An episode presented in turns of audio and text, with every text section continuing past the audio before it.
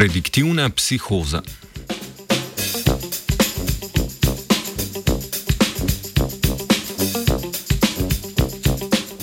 Psihoza je duševna motnja, za katero je značilno spremenjeno delovanje možganov.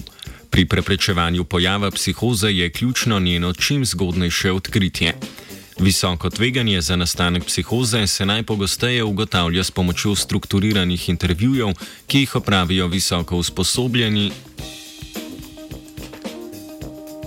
medicinski delavci. Stanje visokega tveganja za nastanek psihoze pa lahko indicirajo tudi strukturne spremembe možganov. Mednarodna raziskovalna skupina je s pomočjo slikovnih in kliničnih podatkov izdelala model strojnega učenja, namenjen identifikaciji posameznikov in posameznic z visokim tveganjem za nastanek psihoze.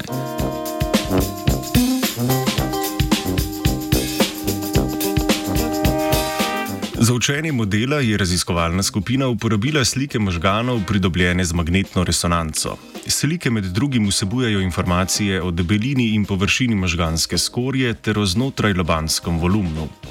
Približno polovica slikovnih podatkov je bila pridobljena pri zdravih posameznikih, druga polovica pa pri posameznikih z visokim tveganjem za nastanek psihoze.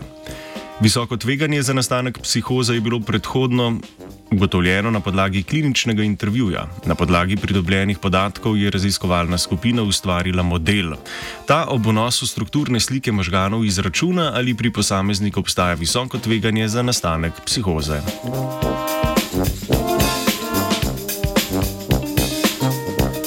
Zgolj pri 30 odstotkih ljudi, pri katerih je potrjeno visoko tveganje za nastanek psihoze, se psihoza dejansko pojavi oziroma diagnosticira. Raziskovalna ekipa je svoj model testirala na kliničnih podatkih. Opazili so 73 odstotno natančnost pri razvrščanju posameznikov v skupini zdravih oziroma takšnih z visokim tveganjem za nastanek psihoze, pri katerih se je psihoza kasneje v življenju dejansko tudi pojavila. Pri ločevanju med posamezniki in visokim tveganjem za nastanek psihoze z dejansko kasnejšo psihozo od tistih z visokim tveganjem, ki psihoze kasneje niso razvili, se je model odrezal zgolj s 50 odstotno natančnostjo.